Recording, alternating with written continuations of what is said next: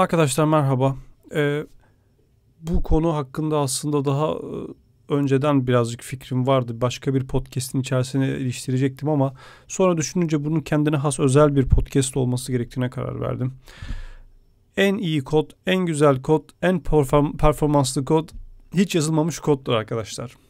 Dışarıdan böyle biraz size enteresan gelebilir. Kulağa birazcık farklı geliyor sektörün dışındaki arkadaşlara ya da yeni başlayan arkadaşlara. Ancak biraz işin içine girdiyseniz bana hak vereceksiniz. Özellikle yolun başındayken biz çok kod yazmayı marifet sayıyoruz. Ya işte bir klas yazdım bir Java dosyası bin satır. Hatta böyle 15-20 sene öncesine doğru gidersek bazı şirketlerin ilanlarında vardı böyle şeyler. Yani işte üniversite mezunu şunu şu şekilde işte bitirmiş. 200 bin satır kod yazmış şeklinde parametreler vardı. Son derece anlamsız saçma bir parametre.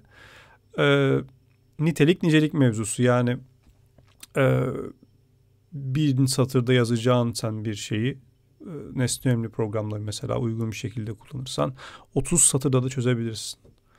E, bu şimdi böyle size çok farklı gelebilir ama birçok e, aslında uzun yazılmış klasların vesairelerin kökeninde işi bilmemek yatıyor arkadaşlar. Doğru kullanmamak, elimizdeki araçları doğru kullanmamak yatıyor. E, yani dediğim gibi bir bin satırlık kod bile yeri geliyor 30-40 satıra düşürülebiliyor.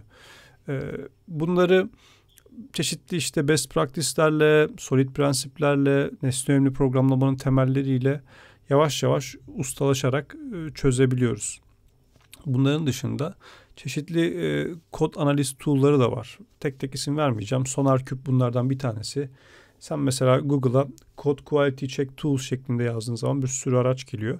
Bunlar senin e, kodunda analizler yapıp e, sana yönlendirmeler de sunuyor. Bak şurada şunları tekrar etmişsin. Şunları şu şekilde bir işte e, fonksiyonun içine alsan daha iyi olur. Şunları şöyle enkapsüle etsen daha iyi olur gibisinden. Böyle böyle şeylerle size geliyorlar. Arkadaşlar her yazılan yeni kod her yazılan yeni kod yeni bir test maliyeti demek. Yani yeni yazılmış her şeyin bir test maliyeti var. O test maliyeti bir olgunlaşma maliyeti. Yani günün sonunda sizin cebinizden çıkacak bir para. Şirketseniz şirketin e, cebinden çıkacak bir para. Haliyle siz bir daha önce test edilmiş reusable tekrar kullanılabilir komponentini kullandığınızda e, bu test maliyetinden yırtmış oluyorsunuz. Yani e, hazır yazılmış bir şeyi kullanarak hiçbir şey yapmadan, hiç kod yazmadan çok performanslı bir e, şey elde etmiş oluyorsunuz. E, mantalitesini biraz kavramak zaman alabilir yolun başındaysanız ama sadece şöyle bakın.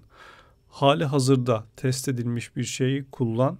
Sen de yazacağın zaman reusable şekilde şeyler yaz ki bu test maliyetlerinden, olgunlaşma maliyetlerinden kendini kurtar, şirketini kurtar. Daha fazla tasarruf et.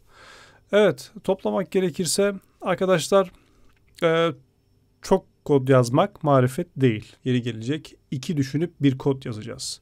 Yani kodun tasarımı diye de bir şey var. Tasarım deyince biz hemen işte renkler, fontlar vesaireler gibi düşünebiliyoruz ama kod tasarımı da diye bir şey var. Yani bir algoritma tasarımı.